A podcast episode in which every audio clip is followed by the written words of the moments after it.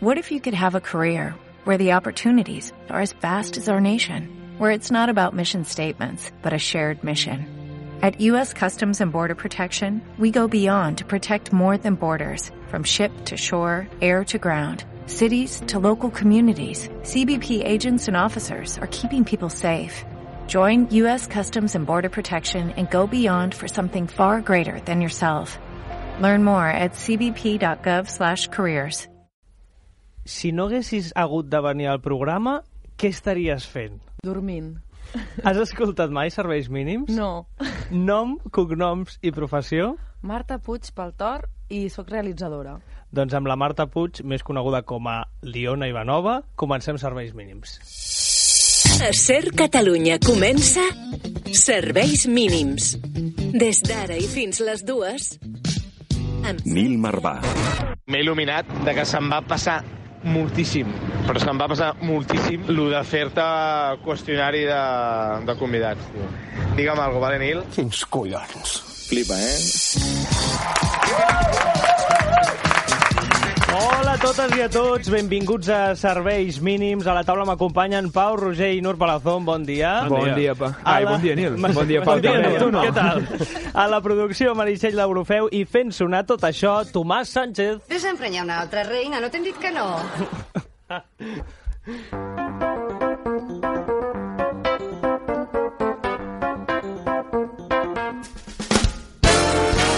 Avui, 2 de gener del 2020, d'aquells primers dies de l'any on ja no hi ha manera d'escriure la data bé. De fet, tenia el guió malament i l'acabo de corregir en directe. Avui dediquem el programa a, a una cosa que ens ha acompanyat molts anys, masses. I no estem parlant de Rafael, estem parlant de les pessetes. Aquest any 2020 serà l'últim any que les podreu anar a canviar al banc, així que si encara tens alguna pesseta per casa, a part de síndrome de Diògenes, tens l'oportunitat de convertir-les en euros. Les pessetes són com aquell cunyat passat dels sopars de Nadal que no marxa mai, van deixar de circular el 2002, però fins ara s'han quedat a les cases, així que aquest 2020 és probablement aquell de es va fent tard que deixes anar quan vols que marxin els convidats, però en el món de les pessetes. Així que per confirmar que pots viure del cuento durant 18 anys, aquest programa va per tu, pesseta! Vosaltres teniu pessetes per casa, Pau, Nur? Sí, alguna. Jo sí, jo tinc una caixa plena. En sèrio? Sí, sí, el meu I pare. té Té molt valor? col·lecció, jo, també. En sèrio? Sí, sí, També sí. teniu síndrome de Diògenes, Molt, eh? Alguna molt. cosa. Nur, a part de nosaltres, qui sembla que estigui de serveis mínims? Doncs els cossos de seguretat japonesos, perquè, explico, tenien l'expresident de Nissan, Carlos Ghosh, Ghosh, no? Molt ben pronunciat, no? Sí, sí, és que no sé com es pronuncia, té una H aquí al mig molt loca. Bueno, el tenien sota arrest domiciliari i vigilat amb càmeres de seguretat 24 hores al dia Uf. per un delicte de malversació. Però se'ls hi ha escapat. Ninguna cerradura podía retenerlo. Ninguna tumba podía encerrarlo. Ningún público podía resistirse. Era Carlos Ghosn. el mejor mago y artista del escapismo de todos los tiempos, que embarcaba a su público en un vertiginoso viaje con números sobrehumanos que desafiaban a la muerte. Más que un simple mago de vodevil con una maleta llena de trucos baratos, Carlos. era una enorme personalidad nunca vista en el mundo. Carlos Ghosn va M'encanta el muntatge, eh? Sí. Perdona per l'incís, Gràcies. però... Eh, Molt ben fet. aquí hi havia Houdini, no? Eh, sí. Houdini, vale. Era un documental de Houdini. Bueno, total, que Carlos Gons, Gosn va escapar de manera rocambolesca dintre la caixa d'un instrument. Oh. Perquè no estem parlant de Nadia Comaneci, estem parlant d'un senyor de 65 anys. Però quin instrument? Perquè si Clar, era una Aquí flauta travessera... No ho Ha de ser un instrument bastant la caixa no? instrument, sí, un contrabaix o així. bueno, total, que la cosa és que aquest senyor va fer un, un concert de Nadal al Sí. seu pis i quan va acabar el concert ell va marxar dins la funda d'un instrument i el van portar fins a un jet privat que l'esperava Que que el va portar fins al Líban.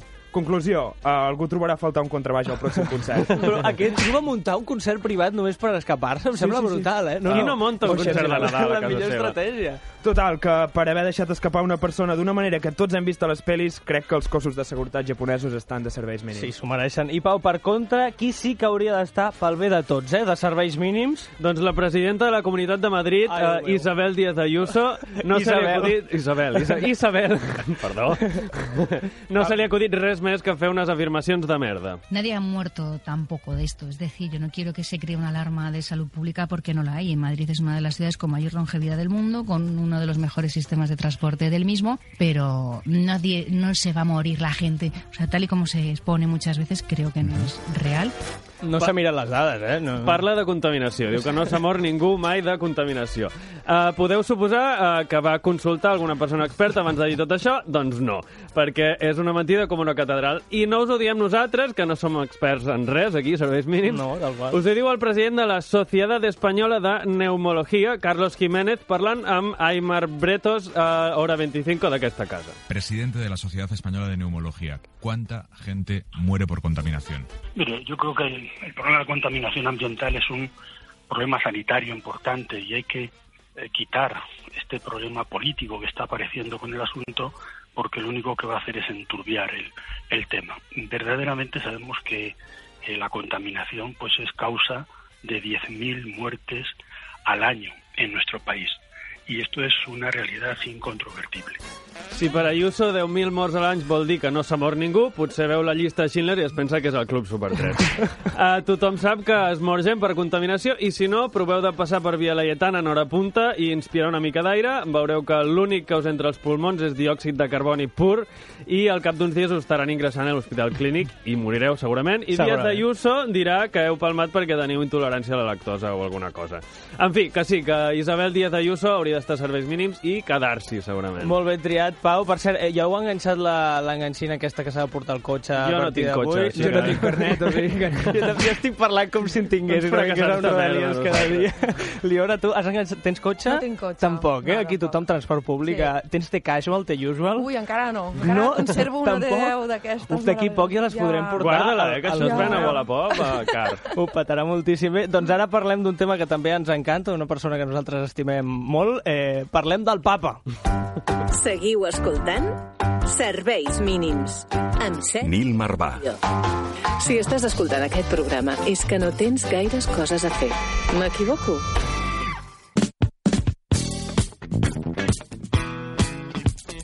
Bé, no sé si heu vist un vídeo que ha corregut molt per les xarxes del papa francès, que s'ha convertit en protagonista d'una anècdota viral. Va tenir lloc l'últim dia de l'any. Ell estava saludant els fidels que s'havien reunit a la plaça de Sant Pere del Vaticà.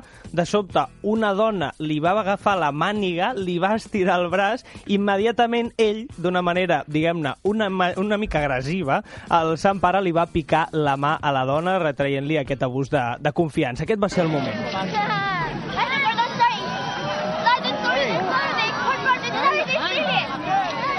en aquest so ambient es veu clarament, no? s'entén clarament el que estava passant. Es visualitza, es visualitza. Sí. Ha corregut com la pólvora per les xarxes socials i ell mateix ha hagut de demanar perdó. Per analitzar aquesta polèmica tenim al telèfon a Gerardo Correas, president de l'Escola Internacional de Protocol. Buenos días, Gerardo.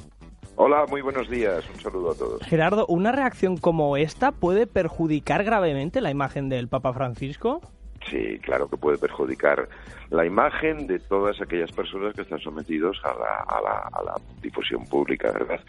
Cualquier eh, gesto que puedas hacer, eh, no solamente los gestos, lo que dices también, eh, incluso la forma de vestir. El Papa ha hecho mm, grandes pruebas de cuanto a su forma de vestir al principio, cuando empezó, ¿verdad? Que cambiaba y que de alguna manera cambiaba la percepción pública que tenían que tenían las distintas Claro. personas de él, ¿no? Sobre todos sus públicos. O sea que su equipo de protocolo, protocolo estaría preocupadísimo, ¿no? Entiendo.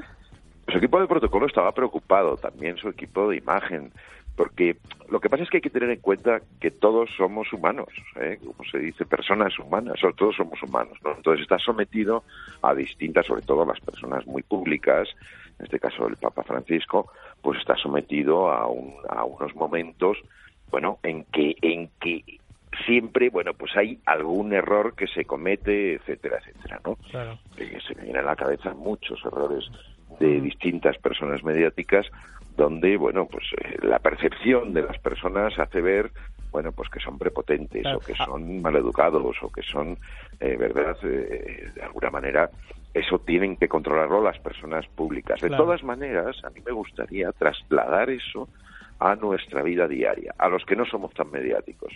Eso nos pasa también pues con eh, en una reunión de negocios, o nos pasa con un familiar, o nos pasa con todo esto. ¿no? Eh, La, la- la imagen que estamos transmitiendo a los demás con nuestros gestos, con nuestras formas de hablar, con lo que decimos, etcétera. Y Gerardo, ¿hay un protocolo establecido sobre cómo hay que dar la mano? Hombre, sí, hay una, hay una, más que un protocolo, lo que es una costumbre, ¿verdad? Una costumbre cultural, ¿no? Entonces, eh, bueno, pues hombre, yo, mi recomendación es que no se dé esa mano flácida que transmite al, al otro, le transmite, es decir, bueno, este qué hace, eh, que sea una mano firme, que sea una mano afectiva, que sea una mano de saludo, de verdad. Pero no muy firme mano- tampoco, de estas que te revientan Bueno, la mano. tampoco te dejan, hay veces que las manos te dejan hecho polvo con esto, pero no, hombre, pues eh, con la naturalidad. La naturalidad es muy importante, ¿no? Y el transmitir, pues eso, el, que es- el transmitir verdad, el que eres una persona, pues normal, humilde y que en un momento determinado estás ocupando un determinado puesto. Hay que tener muy en cuenta Dime, sí. que lo que transmitimos personalmente se trasciende directamente a la institución a la que representamos, Claro. sea grande, sea pequeña, sea política, sea como sea.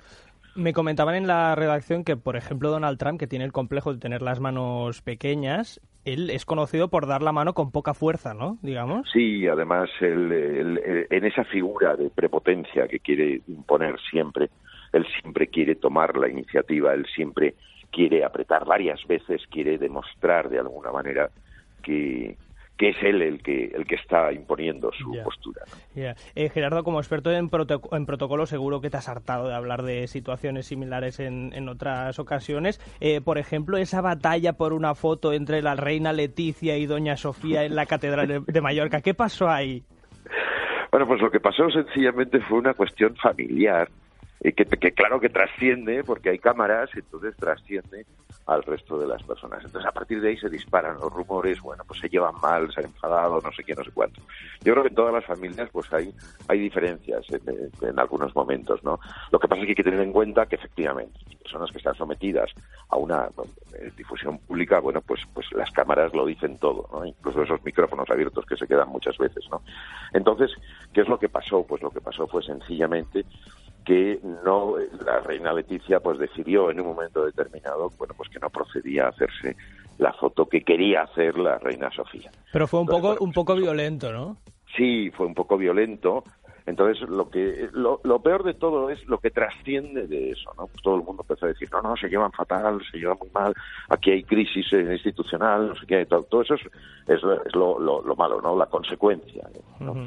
Y Obama de sería... alguna manera Dime, es sí. importante el cómo fíjate el cómo ha resuelto el Papa Francisco el asunto o el cómo resolvieron ellos de otras maneras cómo resolvieron en la Casa Real esta cuestión no con otros gestos verdad Claro. el Papa Francisco sencillamente ha demostrado con un error eh, en un momento determinado ha demostrado eh, y ha transmitido pues esa humildad que él quiere transmitir pidiendo el, pidiendo perdón pidiendo disculpas sencillamente parece que a los políticos a los mm, grandes eh, eh, mediáticos les cuesta trabajo pedir perdón y sin embargo pues transmite humildad transmite humanidad transmite naturalidad transmite cercanía la cuestión es que efectivamente con otros gestos no es cuestión de que la Casa Real salga pidiendo disculpas, no, es que nos hemos... No, no, cuidado. En ese caso lo que hubo es una diferencia de opinión en un momento determinado que no trasciende más de la anécdota y que de alguna manera, bueno, pues con otros gestos evitaron el que continuasen esos rumores de discusión interna, etcétera, etcétera. Sencillamente, Gerardo, partir para, para terminar, el, el experto en controlar estas situaciones y en transmitir una imagen súper positiva sería Obama, ¿no? Con sus choques de puño. ¿Él sería el Obama- experto? Obama es una bomba mediática. Obama todo lo que hace eh, es, es potenciar muchísimo su imagen personal y por ende su eh, imagen institucional. Obama es la figura perfecta, el ejemplo perfecto de hacer marca país a través de sus acciones personales. Entonces, en ese sentido, es un gran experto, pero además que lo hace con una naturalidad tremenda, le sale así, ¿no? Entonces, es espléndido en ese sentido. Gerardo Correas es el president de l'Escola Internacional de Protocol. Muchas gracias, Gerardo. No, muchas gracias, muchas gracias a vosotros, Mercis. Un abrazo.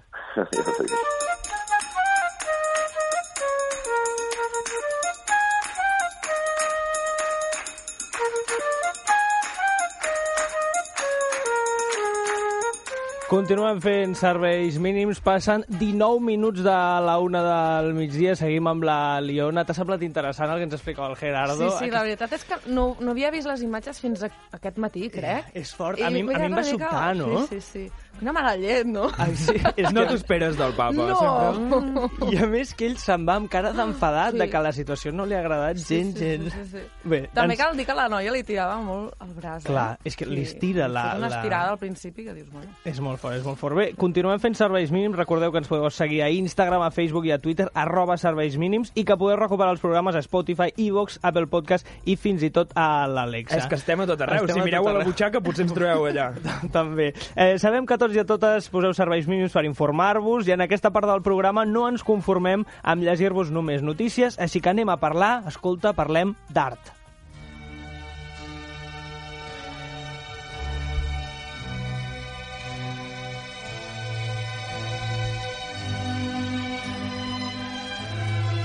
I, evidentment, si parlem d'art, hem de tenir aquí el nostre expert en aquesta, Rosa Badia. en aquesta temàtica. Nur Palazón, bon dia, com estàs? Sí, ja, sigui jo, jo com a flagrant amant de les arts artístiques de tota mena, però en especial de les arts de pintura guai, em vaig escandalitzar molt al llegir la notícia sobre una desgràcia humana de 20 anys. Quants en tens, tu, Nil? Eh, 20. Va. Gràcies per dir-me desgràcia humana. Uh, que va entrar al Museu Londinenc Tate Modern i va apunyalar la pintura Bust de dona de Picasso. La va apunyalar, la va periodista apunyalar. cultural? Sí, la va apunyalar... Com... Bueno, és igual, no, no faig xistes. Ja està. és, és una obra valorada en 23 milions i mig d'euros, però dins el meu cor el valor és incalculable. Estic destrossat. Em sap greu, Nur, jo no sabia que estaves tan, tan afectat per aquest tema. Jo t'he vist bé al llarg de, Doncs, del matí. Sí, és horrible, m'ha vingut la bajona ara. I n'he volgut parlar amb un vell amic meu a qui, amb qui vaig anar al col·le, Sí. que dona la casualitat que ara és el vigilant de, del museu Uf. i estava allà la, al moment de l'incident. Marçal, què tal? Bon dia. Nur, què passa? Doncs mira, aquí, bé, uh, uh, què va? Tu, què tal? Bueno, bé, aquí a London, being a fantastic security guard. Home, fantàstic, fantàstic, no sé, eh? Home, escolta, fantastiquíssim jo. Et presento en Nil, que és el que està, és el presentador. Et farà algunes preguntes ell. si Hola, bé. hola Marçal, com estàs? Hola, Nil, què tal? Escolta, tinc entès que vas presenciar els fets, no? Ens, ens podries explicar una mica com va ser l'escena? Doncs sí, mira, un, un individu d'uns uns 20 anys d'ètnia caucàsica va entrar a la sala 4 de la Tate Modern, que és la que estic jo normalment. Uh, jo el vaig veure i instantàniament vaig pensar que aquí podia passar alguna cosa. Caram, però vostè va veure'l, va pensar que podia passar alguna cosa, però no ho va parar, no ho va aturar, això. Uh, no, mira, saps què passa? Que és que a mi em fan protegir els Picassos i, i a mi m'agrada més Pollock, saps? A mi no m'agrada gens Picasso i crec que està molt sobrevalorat. Què vols dir, Marshall? Què dius, tio? Picasso és un geni. Picasso pinta pitjor que el meu nebot del tònic de 3 anys. És una basura. Eh, sisplau, seguim amb la narració. Què va passar el dia del, dels fets? Doncs sí, mira, jo uh, vaig veure aquest individu caucàsic uh, d'uns 20 anys i instantàniament vaig pensar, uh, és ell. I vaig anar cap al xaval i li vaig dir Hello, mate, I need a favor from you, you magnificent champ. Uh, pots dir-ho en català, que ja sabem que tens el proficiency, però chill, tio. Sí, tinc el proficiency, me'l vaig treure fa molt poc. Uh, perdó, és que uh, se me'n va automàticament a l'idioma. Doncs això, al nano li vaig dir uh, que necessitava un favor. I jo tinc molt poder de persuasió. Ja. Uh, bueno, uh, el Nuro sap perquè el vaig convèncer que es dediqués a una professió sense futur, per exemple. Molt bon consell. Com quina? Uh, sí, bueno... Uh, La ràdio, no? Exacte, la ràdio. uh, bueno, uh, que això, que porto jo estalviant tota la vida per fer una cosa així. I li vaig dir, eh, xaval, et dono 300.000 lliures si agafes aquest ganivet i rajes la merda que aquest, que aquest quadre de Picasso. O sigui, m'estàs dient que això, aquest fet que estem comentant, va ser culpa seva? No va ser culpa meva, va ser gràcies a mi. I ho seguiré fins, fins que totes les obres de Picasso estiguin rajades, inclòs el Guernica dels collons. Home, tio, però, però ara que t'ha sentit tothom, no et deixaran fer-ho mai més, no? Per què et penses que vaig acceptar la teva trucada? Qui escolta serveis mínims a part dels vostres pares? Uh, els nostres amics. Quins amics, Nur? Uh, tu. Bé, eh, ja està, ho podem deixar aquí, no? Marçal, guàrdia de seguretat de la Tate Modern, moltes gràcies. Goodbye, my dear friend. Molt bé, ho ha fet molt bé. Gràcies. I abans de dedicar els minuts que es mereix a la Liona Ivanova, anem a fer un viatge en el temps, que això també és art, per saber què passava tal dia com avui, un 2 de gener del 1982. Doncs aquell dia els lectors del país tenien la sort de llegir aquest titular. Espanya organitzarà el Campeonato Mundial de Salmón a Mosca. El meu esport preferit. Què és salmón a mosca? Jo també m'he quedat igual, jo no sabia què era això. És pesca, no? Sí, jo no sabia que existia això. Però és, és pesca. amb Ah, mosca. és, és pesca. Home, jo vinc de Banyoles, Pensava que era allà. un esport o alguna més, més intens, Tu no? fas aquest tipus de pesca? Eh, no, faig altres coses. Aviam, explica'ns aquesta notícia. Sí, s'hi explica la primera edició del Campionat Mundial de Pesca de Salmó a Mosca, que es veu que es va disputar als rius Sella i Narcea, que es troben a Astúries, i mm, bueno, que només està reservat per les elites, s'explica una mica les bases del concurs, bàsicament. I res més, eh? Ja està, ho deixem Sí, aquí, que sí. bàsicament que has conegut un esdeveniment que no sabies que Sí, jo no existia, sabia Que has que conegut un existia esport això. que no sabies que existia. És que um, aquell dia bueno, les esports, notícies... esport tampoc, eh? S'asseu en una cadira i tira una canya i ja Tampoc està. ho podríem dir així. Bé, tenim alguna notícia més? Fins a quin any anem ara? Sí, del 1981. Seguim també amb el diari El País i els lectors aquell dia van poder llegir aquest gran titular. Los madrileños durmieron ayer la juerga de Nochevieja. Aviam, i què diu la notícia? A veure, el problema és que tampoc diu gaire res aquí, eh? Molt bé, Notícies plenes de contingut, com Però, sempre. però, però, Sí, es nota que aquells dies no, no hi ha gaire moviment en la redacció. però, la, però la notícia és que la gent se'n va anar de festa i estava dormint. o sigui, passa això cada any, no? Exactament, s'explica que aquell dia al matí no hi havia gent als carrers, a les carreteres no hi havia cotxes, i que hi va, va, com- bueno, el moviment va començar a partir de la tarda, Ah. i ja està. O sigui, és que no una res crònica d'aquell dia, El món no? sense internet, eh? Però és que, és que el fotut d'això és que ens explica com va ser el trànsit no? el, Sí. que hi havia el dia 2, Sí. ai, el dia 1, i ens ho expliquen el dia 2 que dius, a veure, m'ho expliques el dia 1 i si he d'agafar el cotxe, sé per quines carreteres puc anar i per però quines sí. no. Però és que t'ho El dia expliquen el dia després, 2 és irrellevant, trobo jo. Bé, doncs, eh, Meritxell, de feu sempre portant-nos els continguts periodístics de més rellevància del, del passat. Moltes gràcies, Meri. vosaltres. Dos minutets i tornem. Fins ara.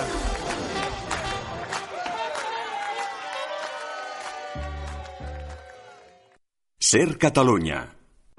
Al Tot és Comèdia, Roger Salvans i Fausto Fernández ens ensenyen cada setmana que el bon cinema és el que provoca emoció i fins i tot enveja. Roger, amb qui has estat aquests últims dies? Vaig ser al Festival de Londres i vaig tenir la sort de poder entrevistar a Martin Scorsese, a Robert De Niro i Al Pacino perquè presentaven allà l'irlandès. Fausto Fernández, amb qui has estat aquests últims dies? Em vaig trobar Imanol Arias a l'ascensor. L'Armelia. Doncs ens agrada molt, Imanol Arias. A mi també.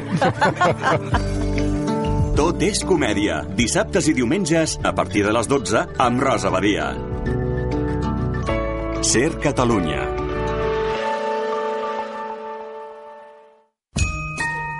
Aquesta felicitació nadalenca és només per als que des de fora ens ajuden a nosaltres. Vinga, desitja un bon Nadal.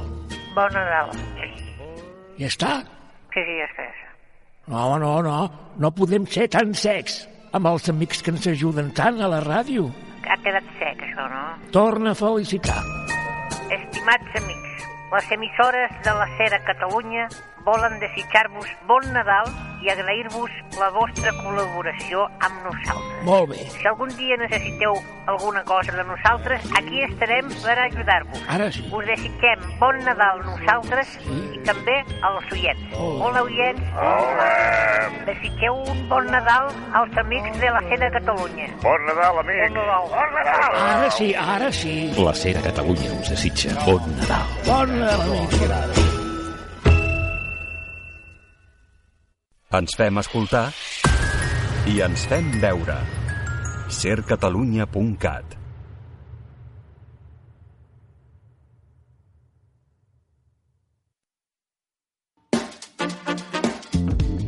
Seguiu escoltant? Serveis mínims. Amb Nil Marvà. Si ja tens gana, menja't el que queda de programa. Francès, si vols pots fer veure que no m'has entès. T'aime, t'ho dic però ja ho saps, saps tot el que passa per dins del meu cap. Jo t'aime i sé que tu a mi ho veig als teus ulls, t'ho estalvio dir. Jo t'aime i això em fa feliç, saber que el que sento també ho sents per mi. I amb aquest GTM d'Anna Roig i l'ombra de Tonxen rebem amb un fort aplaudiment a la il·lustradora i realitzadora Marta Puig, més coneguda com la Liona Ivanova. Liona, com estàs? Molt bé. Per què creus que hem començat amb aquesta cançó de l'Anna Roig? Perquè vaig fer un videoclip d'aquesta cançó. Bé, ben buscat, Podria però ser. hi ha un segon argument, i és que l'Anna Roig va fer l'Erasmus a Lió, Sí, a França. De fet, ella va descobrir allà la cançó francesa, Sí. que després és el que s'ha dedicat, no?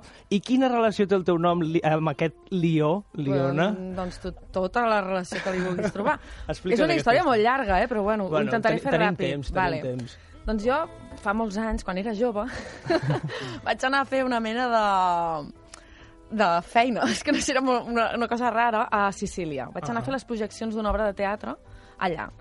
I quan vaig arribar em vaig trobar que tots els actors eren homes, italians, amb la qual bueno, vull dir, no sé si sabeu com són els homes italians, però... Mm, fama de lligar molt. Exacte. I criden molt, també, però bueno, això... I vaig dir, a veure, no cauré, no seré una presa fàcil, saps? No em deixaré entabanar. O sigui, tu anaves en posició Sí, de defensa, en plan, no? no passarà. Això no passarà. Té pinta que sí que va passar. I va passar. Vale. N'hi havia un que era... O sigui, jo ara el recordo com si fos una mena de Robert De Niro, saps? Parlava, Uau. jo l'escoltava i era Robert De Niro. I, I era molt atent, era molt amable, i m'ensenyava la ciutat i tal. Sí. I jo, bueno, no ho he dit, en aquell moment tenia parella. I clar, era com, no, no, no, no Marta, no, No pot no, passar no, res. No pot passar res. Però bueno, al cap d'11 dies d'estar allà amb ells, l'últim dia vam fer una festa de, de despedida i, i ell estava allà molt insistent, no? I al final vaig dir, bueno, mira, tio, li faig un petó ja. I jo estava allà a punt de fer-li el petó i em diu, no, no, no, no, no que tinc nòvia. I jo, Uf. what the fuck? Gir de guió total, Què és eh? això que he viscut jo durant 11 dies, no? I llavors em va dir, quan cap dels dos tingui parella ens trobarem a mig camí. I com que ell era de Roma i jo era de Barcelona, mig, quedava a Lió. I Bueno, llavors una jo mica vaig... aproximat, eh? Tampoc... Sí, bueno, Més o Pau, ara no ens fiquem aquí estrictes. És el eh, que em va dir ell. jo, clar, frase molt- romàntica, era Clar, per era, arreglar-la. era molt bonic, no? Segur que ho tenia molt estudiat, ell sap molt, sí, molt lligat, no? no sé, no sé. I clar, jo vaig arribar a Barcelona i just havia aparegut una cosa que es deia Fotolog. Hombre. Home, Vale? mítica xarxa social, Sí. no? I m'havia de posar un nom i, i no se m'acudia res. I vaig dir, hòstia, doncs mira, de Lyon, Liona. I jo amb les esperances de que si algun dia ell buscava Lyon, li sortís jo, En saps? general, T'ho eh? juro, El posicionament Una a mica Google... utòpic, eh? El posicionament a Google faria que et trobés a tu. És molt guai la història de, Sí. del nom, i no sé si més tard has contactat amb ell per Mm. donar-li les gràcies, per Sí. explicar-li això o no. Sí, a veure, no ens hem trobat a Lyon, o sigui, això no ha passat No ha mai passat més, però sí que és veritat que fa poc uh, un llibre que jo he fet, que és Jo mataré monstros por ti, es Sí. va publicar en italià. I llavors li vaig dir, hòstia, t'escric perquè em fa molta il·lusió que sàpigues que hi ha un llibre firmat com a Liona i és culpa teva, saps? I ell li hauria pujar l'autoestima a No, no, va, va flipar no? bastant i em va dir, hòstia, molt guai, perquè a més acabo de ser pare. Au. I el- recordava de tu o no? Sí, sí, sí, Vale. sí. I el llibre era un conte infantil i vaig dir, hòstia, doncs em faria molta il·lusió que el tinguessis. I li vaig enviar. I llavors vam com tancar el, El cercle, el cercle d'una no? manera Que molt bonic. bonica. Que, bo- I jo t'ho pregunto això perquè hi ha un llibre teu que és Mis primeros besos, Sí. on expliques el petó amb aquest italià, Sí, no? sí, sí, és sí. molt bonic, Sí, això. sí, sí. Bé, a serveis mínims ja saps que sempre intentem imaginar què ha fet el convidat abans de, de venir i tenim a dos experts, que són el Pau Roger i el Nur eh, Palazón, que ens han preparat això. Tothom coneix a Liona Ivanova per la seva faceta d'il·lustradora, directora de videoclips i artista en general. Liona Ivanova, una persona amb una creativitat sense cap mena de límits. Un artista que desborda talent. Una persona que des de les situacions més quotidianes treu universos de fantasia. Liona Ivanova ha trencat fronteres amb el seu ingeni i amb el seu últim llibre, Sex, Oh! La seva mirada única ha canviat la visió que tenen molts crítics literaris del món de la sexualitat femenina. No accepta xarxa de seguretat quan salta el buit. Liona Ivanova és pur geni creatiu. El que no sap tothom és que en realitat vol ser funcionària de la regidoria d'urbanisme de l'Ajuntament de Santa Maria de Marlès. Per tant, s'ha passat el matí estudiant oposicions. Liona Ivanova vol la seguretat de posar-se casc quan va en patinet elèctric. Vol viure tranquil·la en una casa unifamiliar en una urbanització a 10 minuts de la seva feina. Liona Ivanova no vol pagar Netflix perquè a TV3 ja en té prou, amb com si fos ahir. Vol atrevessar els semàfors en verd i vol una assegurança de vida. Liona Ivanova vol ser pura treballadora de l'Estat. Per tot això, s'ha passat el matí estudiant oposicions, però a les 10.30 s'ha calçat les crocs i ha baixat a la papereria a comprar subratlladors fluorescents. Liona Ivanova, hi ha alguna cosa certa en tot això? Vol ser treballadora, vol ser funcionària? És que no sé com ho saben, tot això. Home, tenim, també, eh, tenim els nostres recursos, els nostres Hi ha un equip d'investigació molt important a, a serveis mínims. Eh, Liona, et sembla si fem un viatge per la teva vida? tant. Que et sembla molt el Sí. tema? Ens teletransportarem als teus sis mesos de vida. Oh, mira eso. Son dos. ¡Qué lindos! Jamás había visto un par de mellizos. Jo crec que és la primera vegada a la història que a la cadena SER serà una escena de Bambi, Ah. perquè Bambi va ser la primera pel·lícula que vas veure, no, sí, Liona? sí, sí, amb sis mesos. I a més te la va posar el teu avi. Bueno, és que l'avi era, el- era el projeccionista al cine del meu poble. Ahà. I llavors jo em passava tots els caps de setmana al cine de- d'Esparreguera. Que bo. I la vaig veure amb ell i em va traumatitzar pel rest de la meva vida, perquè Sí, clar, maten, a la, traumatitzar? maten a la mare. Ja. És que Nil no ha vist Bambi. Jo, no, jo ara els hi Ja comentaré, no he vist mai Ja Bambi, ara estaré, acabaré el programa plorant. Ja no cal que la vegis perquè ja saps que es mor Ja la mare. Bueno, però és al principi, eh? Sí. Bueno. Però és en aquestes projeccions de cap de setmana, no?, amb el teu avi, quan tu descobreixes, dius, jo vull ser directora de cinema, no? Sí. Va ser com vaig veure Eduardo Manos Tijeras. Uf. Sí, sí, jo... Bueno, ja m'agradava molt el cinema, però de cop i volta amb aquesta pel·li em vaig quedar a la butaca del cine així. Bueno, Flipant. la gent no ho pot veure, però amb la boca oberta. I vaig dir, jo vull fer això. Però clar, no tenia ni idea què s'havia de fer per fer això, saps? Era com, Mhm. si vols ser director de cine, què fas? Ara sabem que hi ha escoles i tal, però quan jo era jove era com, com, com ho fas? I al teu avi què li va semblar el tema, que volguessis ser director de cinema? Ell volia que jo fos mestre. Ah. Veus? Anava una mica pel, Pel tema rotllo funcionari, funcionari. Sí. Però a la vegada crec que, que també li feia il·lusió. O sigui, a mi li, li apassionava el cinema, llavors ho, ho entenia i li Mhm. agradava. Vas tenir aquest desig i vas estudiar cinema a Sí, sí, l'ESCAC, sí, no?, sí. després. Vull Sí, dir que sí. es va convertir en realitat d'alguna manera. Sí. Mira que tothom em deia, què fas? Estàs boja, què estàs arruïnant la això?" teva vida, no té sortides. I jo, "Ai, Clar. I pot ser que hagi llegit que t'han arribat a fer callar en un cinema per plorar massa fort? Sí. Això t'ha passat, M'ha de veritat? passat, t'ho juro. Al Cine Verdi. Quina em, vaig, em pel·lícula? vaig enfadar molt. No sé perquè, no sé quina era, però per... jo ploro molt, ric molt, o sigui, visc al cine com si estigués a dins la pel·lícula.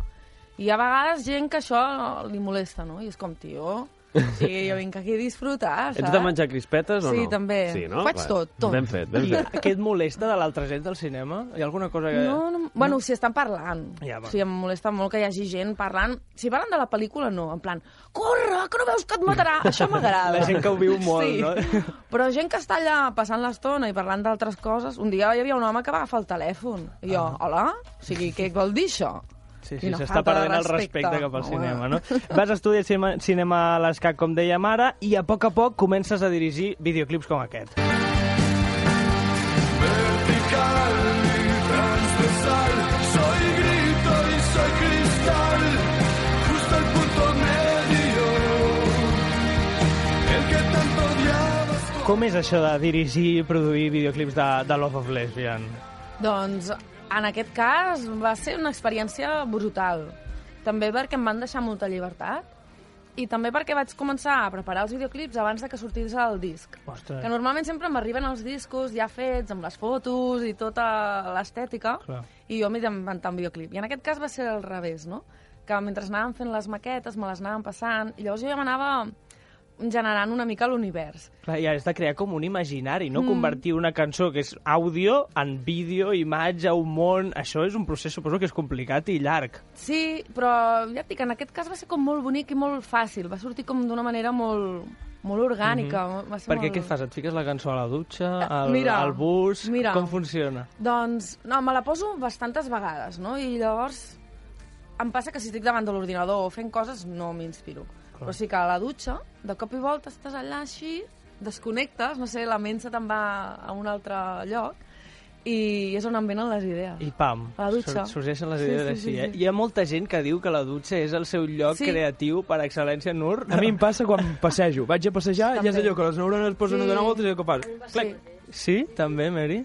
sí, és que has de deixar la ment en blanc. Uh -huh. Després, amb en Santi Balmes veu fer un llibre, uh. -huh. a més a més, no? Sí. que es diu Jo mataré monstros per ti, sí. i va tenir tant impacte que si tu busques el títol d'aquest llibre a Google et surt gent que s'ha fet tatuatges Sí. amb els personatges, la Martina i la Nitram, Sí. a, a, vull dir, als braços, porten els personatges tatuats, això és espectacular, no? Jo la primera vegada que ho vaig veure va ser com, què fas? Quin problema tens? Què estàs fent?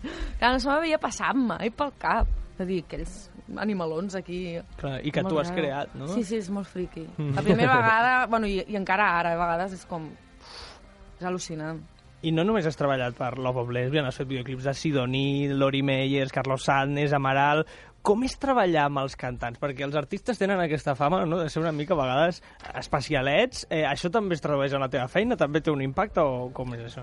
Mira, jo t'he de dir que sempre he tingut molta sort, perquè m'he trobat això amb grups que m'han deixat llibertat total, d'altres que potser s'impliquen més, però que, joder, que a mi m'agrada, a mi m'agrada que s'impliquin i que em diguin, hòstia, doncs mira, jo m'imaginava això quan, escri quan escrivia la cançó.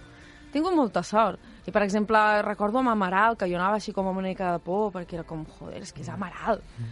I, hòstia, no he trobat a gent més humil i més fàcil de treballar que, que ells, Que guai, no, que et passin sí, sí. aquestes coses. Sí, sí, perquè a vegades això tens una mica de por de dir, uf, a veure... Mm -hmm. Ara parlàvem d'aquest llibre amb el, amb el Santi Balmes i un dia tu penges una story on expliques, em sembla que era que t'havien regalat un, un vibrador, Ah, no? sí. I la gent et comença a enviar missatges dient però tu et masturbes? Ajá. Això és compatible amb tenir Sí. nòvio? I dius, he de fer alguna cosa. Esto empezó cuando después de dejarlo solo quería pasármelo bien.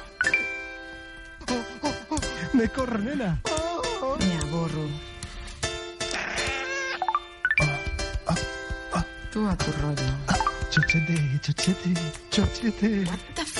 I és a partir d'aquesta anècdota, no?, els missatges d'Instagram que tu dius, hem de crear un llibre i neix Sexo, jo l'he dit sex-o, no?, que és un llibre de, de Random Comics i que pot comprar a qualsevol persona. És a, és a partir d'això, no?, que neix el llibre? Sí, sí, sí, va ser aquest, aquest, mm, rebre aquests missatges que va ser com, en sèrio? Estem al 2019 i encara tenim aquests prejudicis, aquests tabús, no?, de dir que, que un vibrador no el pots fer servir en parella o que si tens nòvio no pots masturbar-te. Què és això? O sigui, no, no m'entrava Bien. al cap, no?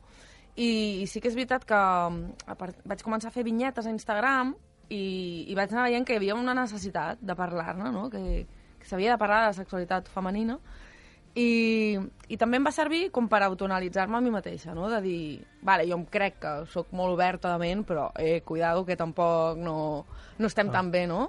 Perquè una de les coses que explicaves és que tu et creies que tenies una família molt progre, no? Que Sí. vivies una vida molt progre, Sí. que, però cada cop dius, hòstia, jo Sí, que també jo- tinc uns tabús. Clar, tam- jo reprodueixo també el que jo he absorbit d'aquesta societat, que és una societat masclista, i que la dona sempre està com en un segon terme, no? De, en, en una relació sexual, per exemple, doncs el que importa és que l'home arribi a, a, la satisfacció, no? Però si tu arribes o no arribes, pff, Clar. ja és molt més relatiu. I escolta, pot ser que els nois entre nosaltres, abans ho parlàvem a la redacció, eh? des de petits parlem molt més de sexe que, que les noies, Meri, tu això suposo que també ho, ho has vist, no? I tant. Ho has, al llarg de, de la vida, no? I de... Bueno, a l'escola jo recordo, els nens es masturbaven junts. O sigui, quedaven per mirar una pel·li, menjar pizza i masturbar-se. Com? No ho fèieu vosaltres? No, ara, no fèieu? parlarem, ara. Nur, Pau, alguna cosa a dir? En directe, a Ser Catalunya per tot Catalunya, no. La intimitat de serveis mínims. Però clar, tu si eres una nena i deies que et tocaves, és que eres la guarra de la classe. O sigui, era impossible, no t'a- no, no t'atrevies. Jo crec que aquestes coses estan canviant, que ara cada vegada se'n parla més, però sí que és veritat que també la informació que ens arriba, o sigui, els canals per on ens arriben, que normalment doncs, doncs és això, el cine porno, Mm. doncs encara és un cine molt masclista. Clar, I que sobretot s'enfoquen en el plaer de l'home, no? Vull dir, Totalment. l'home és el protagonista i la Sí. dona queda en un segon pla i ja està. Però això tot arreu, si t'hi fixes, als llibres, a les pel·lícules, Sí, no? clar. Jo porno n'he vist poc, eh? Però, clar, les comèdies romàntiques, mare meva. O sigui, les relacions sempre són... L'home arriba, li baixa les calces i li endinya. I ja està. I és com, hola, què tal? Una mica de coses abans. Clar, clar. I hi ha una frase que repeteixes diverses vegades. Aviam, em sembla que la Meri... Aviam, se sent? Funciona el micròfon? Té, Meri. Sí. Aviam, ara, ara, ara. Ja tenim, ja Ara, tenim. ara? Sí? Vale. Que hi ha una frase que repeteixes diverses vegades en el teu llibre que m'agrada molt, que dius el placer és poder. Totalment. Ens podries explicar una mica més el... aquesta frase? Per diverses raons, eh? Per una, per exemple, eh, és això, tota la vida, al llarg de la història, la dona ha estat allà per procrear, cuidar els fills, fer que el menjar estigui a taula, saps? Perquè no coneixia que ella sola pot tenir plaer. O sigui, això ens, han, o sigui, ens han prohibit uh, conèixer-nos, conèixer el nostre cos, conèixer com aconseguim el plaer. Ara que saps com aconseguir el plaer, no necessites un home per res. Ho sento molt, nois. És veritat, és Però, veritat. vull dir, això et fa una dona independent, una dona poderosa. Però per altra banda, també el plaer, amb els orgasmes, nosaltres generem unes hormones, que és la, la dopamina i l'oxitocina, que ens generen una sensació de, de seguretat, de fortalesa, de, de ganes de viure, de felicitat, i això també ens dona poder. Poder per crear, per, per ser feliç, per viure sense haver de dependre de ningú, no? Sí, és com que són més creatives, no? Sí, és que és molt xulo perquè fent el llibre, vaig, clar, jo, jo, no tinc, jo no tenia ni idea de sexualitat. Llavors em vaig començar a llegir llibres que d'on podia treure informació. I un d'ells es diu Vagina, i una de les coses que, que, que analitza és que moltes de les dones creatives, polítiques, eh, els seus moments més àlgids de, de creació eren moments en què tenien o despertars sexuals o relacions sexuals molt potents on generaven totes aquestes hormones i els donaven aquesta, aquesta energia i aquest poder, no? Per això que, que, el, que el plaer és poder per, per diverses raons. Sí. El que semblava una frase motivacional, Sí. eh, de sobte té una explicació científica espectacular. Sí, sí, a mi em va molt sorprendre molt. interessant. O sigui, quan ho vaig llegir, és, diu, clar, és veritat. I jo ho he mirat i al llarg de la meva trajectòria ho veig, que hi ha aquesta També correlació, no? De dir, els meus moments de relacions més potents han sigut els més creatius. Mm -hmm. Ara que parles d'això, estem al, al Nadal, i si s'ha parlat d'un regal de Nadal aquestes últimes Hombre. setmanes, ha sigut aquest. Yo soy Sandra Collado y hoy os vengo a hablar del Satisfyer Pro 2. Yo soy Power y hoy vengo a contaros la horripilante, catastrófica, dramática historia de por qué dejé de usar el succionador de clítoris. Hola, muy buenas. Estamos aquí de nuevo con otro vídeo en el que os voy a enseñar el Satisfyer Pro 2. Hola a todos, bienvenidos a Los Fan Lovers. Si queréis saber qué es el Satisfyer, cómo se usa y por qué este juguete está revolucionando las redes, quedaros a ver el vídeo. En definitiva, que el món dels mitjans, el món d'internet, tots Sí. els youtubers, tothom, de sobte, ha començat a parlar d'una cosa que jo crec que no havia passat mai, i és que es posés de moda i passés a ser un tema mainstream, una joguina sexual. Sí. És molt bo, no entenc que passi això. Per mi és molt bo perquè no és que sigui una joguina sexual, és que parla de la importància del clítoris. Que això, això és, per mi és lo trencador. Que tota la vida ens, ens han fet creure que hi havia orgasme vaginal i orgasme clitorià, i no és cert. O sigui, tots els orgasmes els, els genera el clítoris. Bé per estimulació directa Mhm. o bé per estimulació a través de la penetració, perquè el clítoris és molt més del que veiem. No l'he portat, però... No, no el tens aquí. No el tinc aquí, eh? Però tinc La un gent cli- de casa, tinc un clítoris agafeu. així, eh? que fa, fa 10 centímetres. No sé si tothom ho 10 sap, però el clítoris fa 10 centímetres. Que hi ha molta part que va per dins i rodeja la vagina. Clar, no és només el punt. Clar, no és el, No, no és el gland. El, el tothom. que veiem és el gland Mm. i, i, al, i al voltant de la vagina hi ha tot uns braços que, que la rodegen i que generen aquest, aquest plaer també, no? Però Mhm. això és lo xulo, que, que a través del succionador de clítoris doncs està parlant del clítoris, de la importància del clítoris pel plaer femení. En definitiva, educació sexual, Sí. no? que és d'alguna manera fer que la gent aprengui Sí. diversos temes que a vegades no, no Clar. arriben a, als joves o als més grans. I parlar també de la masturbació femenina, que, que, que fins fa poc era un tabú. O sigui, jo, per exemple, amb les meves amigues no n'havia parlat. Mhm. O sigui, parlàvem de sexe d'una manera molt superficial, no? I ara és com que és una cosa més... Joder, que ja es, es normalitza i que és lo, lo interessant. Ah, I tot això, a banda de la publicitat que se li ha fet a la marca Satisfyer, Satisfyer, que jo sí. crec que ja serà un imperi de l'any que ve, no? Totalment, amb totes les vendes que ha sí. tingut, crec que Amazon estava esgotat, no el podies trobar per... Bueno, t'ho dic perquè hi ha gent a la redacció que, que se l'ha comprat i Jo ens explica... moltes amigues meves també. Sí, no? Clar, sí, sí. És el, és el, sí, és el real estrella. Uh -huh. El que jo tampoc no... O sigui, estic a favor d'això, però sí que és veritat que el Satisfyer ens porta cap a, cap a una sexualitat que, que és molt similar a la masculina, que és arribar a l'orgasme el màxim de ràpid possible Clar. i quantes més vegades millor. I a vegades la sexualitat no és només això, no? També poden ser carícies, petons, paraules, a estar al llit durant 10 hores. Hi ha un abans i un saps? després, dir no? Que, que potser ho, disfru ho pots disfrutar més que no pas amb el Satisfyer. Mhm. Però està molt bé quan tens pressa, quan necessites Vinga, va. descarregar ràpid. No? Si el Satisfyer s'ha fet conegut per tot el món ha sigut gràcies a les xarxes socials, tu allà també hi tens molta presència, per exemple a Instagram tens gairebé 150.000 seguidors, que es diu ràpid, reps molts missatges de gent que se sent identificada amb el Sí. que fa, a banda d'aquests de per què et masturba, Sí, sí, etc. sí, Molta gent que diu em sento identificada amb el que fas i amb les obres que fas. Molta. Exacte. De fet, jo al principi, quan penjava les vinyetes, pensava, hòstia, em diran que sóc una exagerada, com sol passar, no? I de cop i volta començava a rebre missatges de joder, a mi també m'ha passat, hòstia, que bé que, que algú em parli, no? De no sentir-me sola en una situació com aquesta.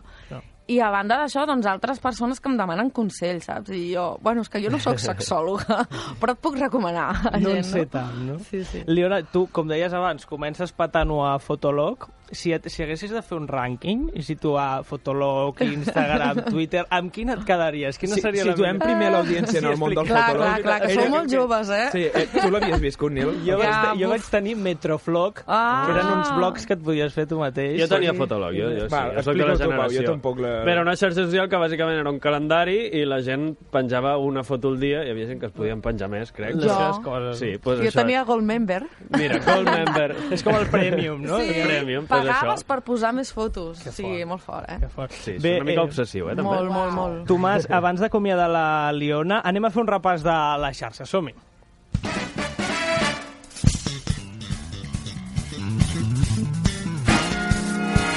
Avui us preguntàvem què preferiu, no poder tenir sexe durant tot el 2020 o no poder escoltar música en tot l'any. En aquest cas va respondre la Liona i podem dir que ens ha colat un gol. Hola, sóc la Liona i els de serveis mínims m'han preguntat si prefereixo no poder tenir sexe en tot l'any 2020 o no poder escoltar música en tot l'any 2020. La meva resposta és... Prefereixo no poder escoltar música en tot l'any 2020 perquè que no la pugui escoltar no vol dir que no la pugui fer, no? Ah. Ja? Ha trobat, ha trobat el buit. Sí. I escoltar-me, o no? Segueix parlant la, la Liona. Calla ja. No, vosaltres teníeu com un argument en contra, no, d'aquesta resposta. No, bueno, jo primer volia que ens ha trobat el buit. Sí. Vull dir, una pregunta feble. Però si no poguessis tampoc fer música... Vale. No, no, evidentment em quedo amb el sexe. Vale. Què ets de dir? Què ets de dir? no? Home. Liona Ivanova, moltíssimes gràcies per venir i molta sort amb tots els projectes que tens i els que venen segur. Moltes gràcies a vosaltres. Un plaer. Un Nosaltres acabem el programa amb una nova col·laboradora que exactament no sé de què parlarà. Getting funky.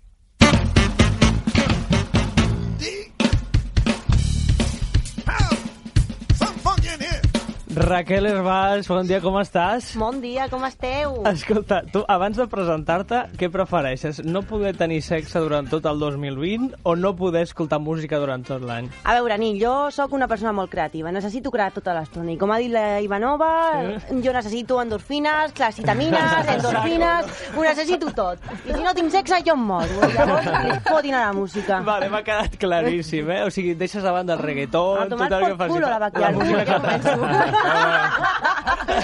Escolta, a més, eh, Mèrit, ho hem preguntat a les xarxes, això no sé què ha dit la, La gent no per allà. està gaire d'acord amb No? això, Ui, eh? ui, ui. Aviam, què els hi passa? Perquè la gent vol anar d'intel·lectual, jo crec, també. Clar, diuen menys coses a la Clar, a veure, per exemple, a Twitter sí que un ha dit a la merda la música, en Pau Clar. P. Garcia, però a Instagram, aquí és el que sorprèn, uh, no poder tenir sexe un 46% Mm. i la música ajustat, eh? un 54%. Uau. Mm. T'ha Jo em pensava que estava bastant clar, però Pel que sembla. Tu què haguessis triat?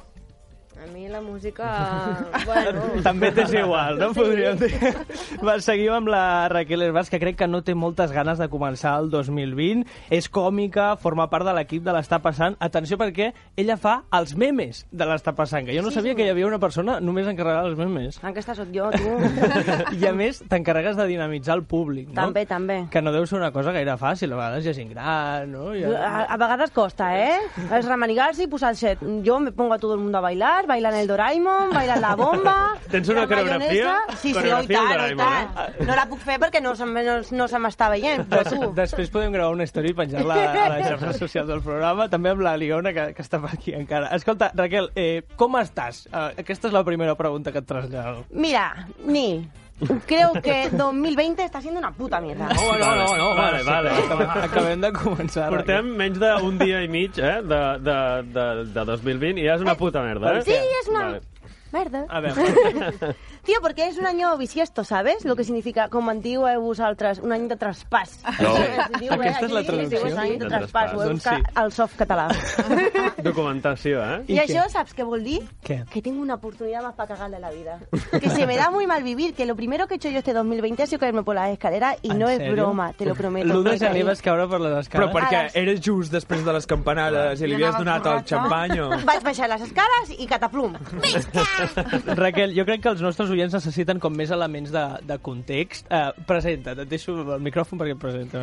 A veure, jo sóc la Raquel, Sí. vale? Primer de tot, tinc el cabell blau, això és important. És fàcil de veure. sapigueu, soc de Múrcia i estic aprenent a parlar català.